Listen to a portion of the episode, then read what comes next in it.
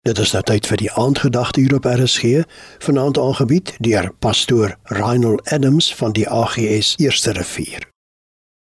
Goeienaand luisteraars. Dis 'n wonderlike voorreg om weer saam met u rondom die woord te vergader en ons praat oor God se voorsienigheid. Psalm 119 vers 50 sê die woord van die Here: Toe dit sleg gegaan het met my, het die woorde dinge verander in my, want die dinge wat u beloof het het my laat aanhou lewe. Weet dit is so belangrik dat ons gedurig moet hoop op die Here. Ek besef dit is moeilik ons maak staat op baie dinge. Die meerderheid van ons mense in ons land is vasgevang in armoede en maak staat op die hulp van die staat en ander instansies. Maar die psalmes leer vir ons dat ons moet ons vertroue in die Here inplaas. Want hy is die God wat vir ons voorsien. God is die onuitputlike bron. Hy is die bron van ons krag. Hy is die bron van ons sterkte.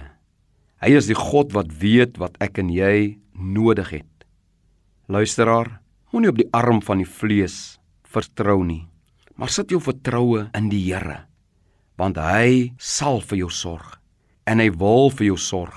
En daarom is dit belangrik in ons nood dat ons na die Here sal uitroep, dat ons ons toevlug na God sal neem want hy is die God wat weet wat ek en jy nodig het.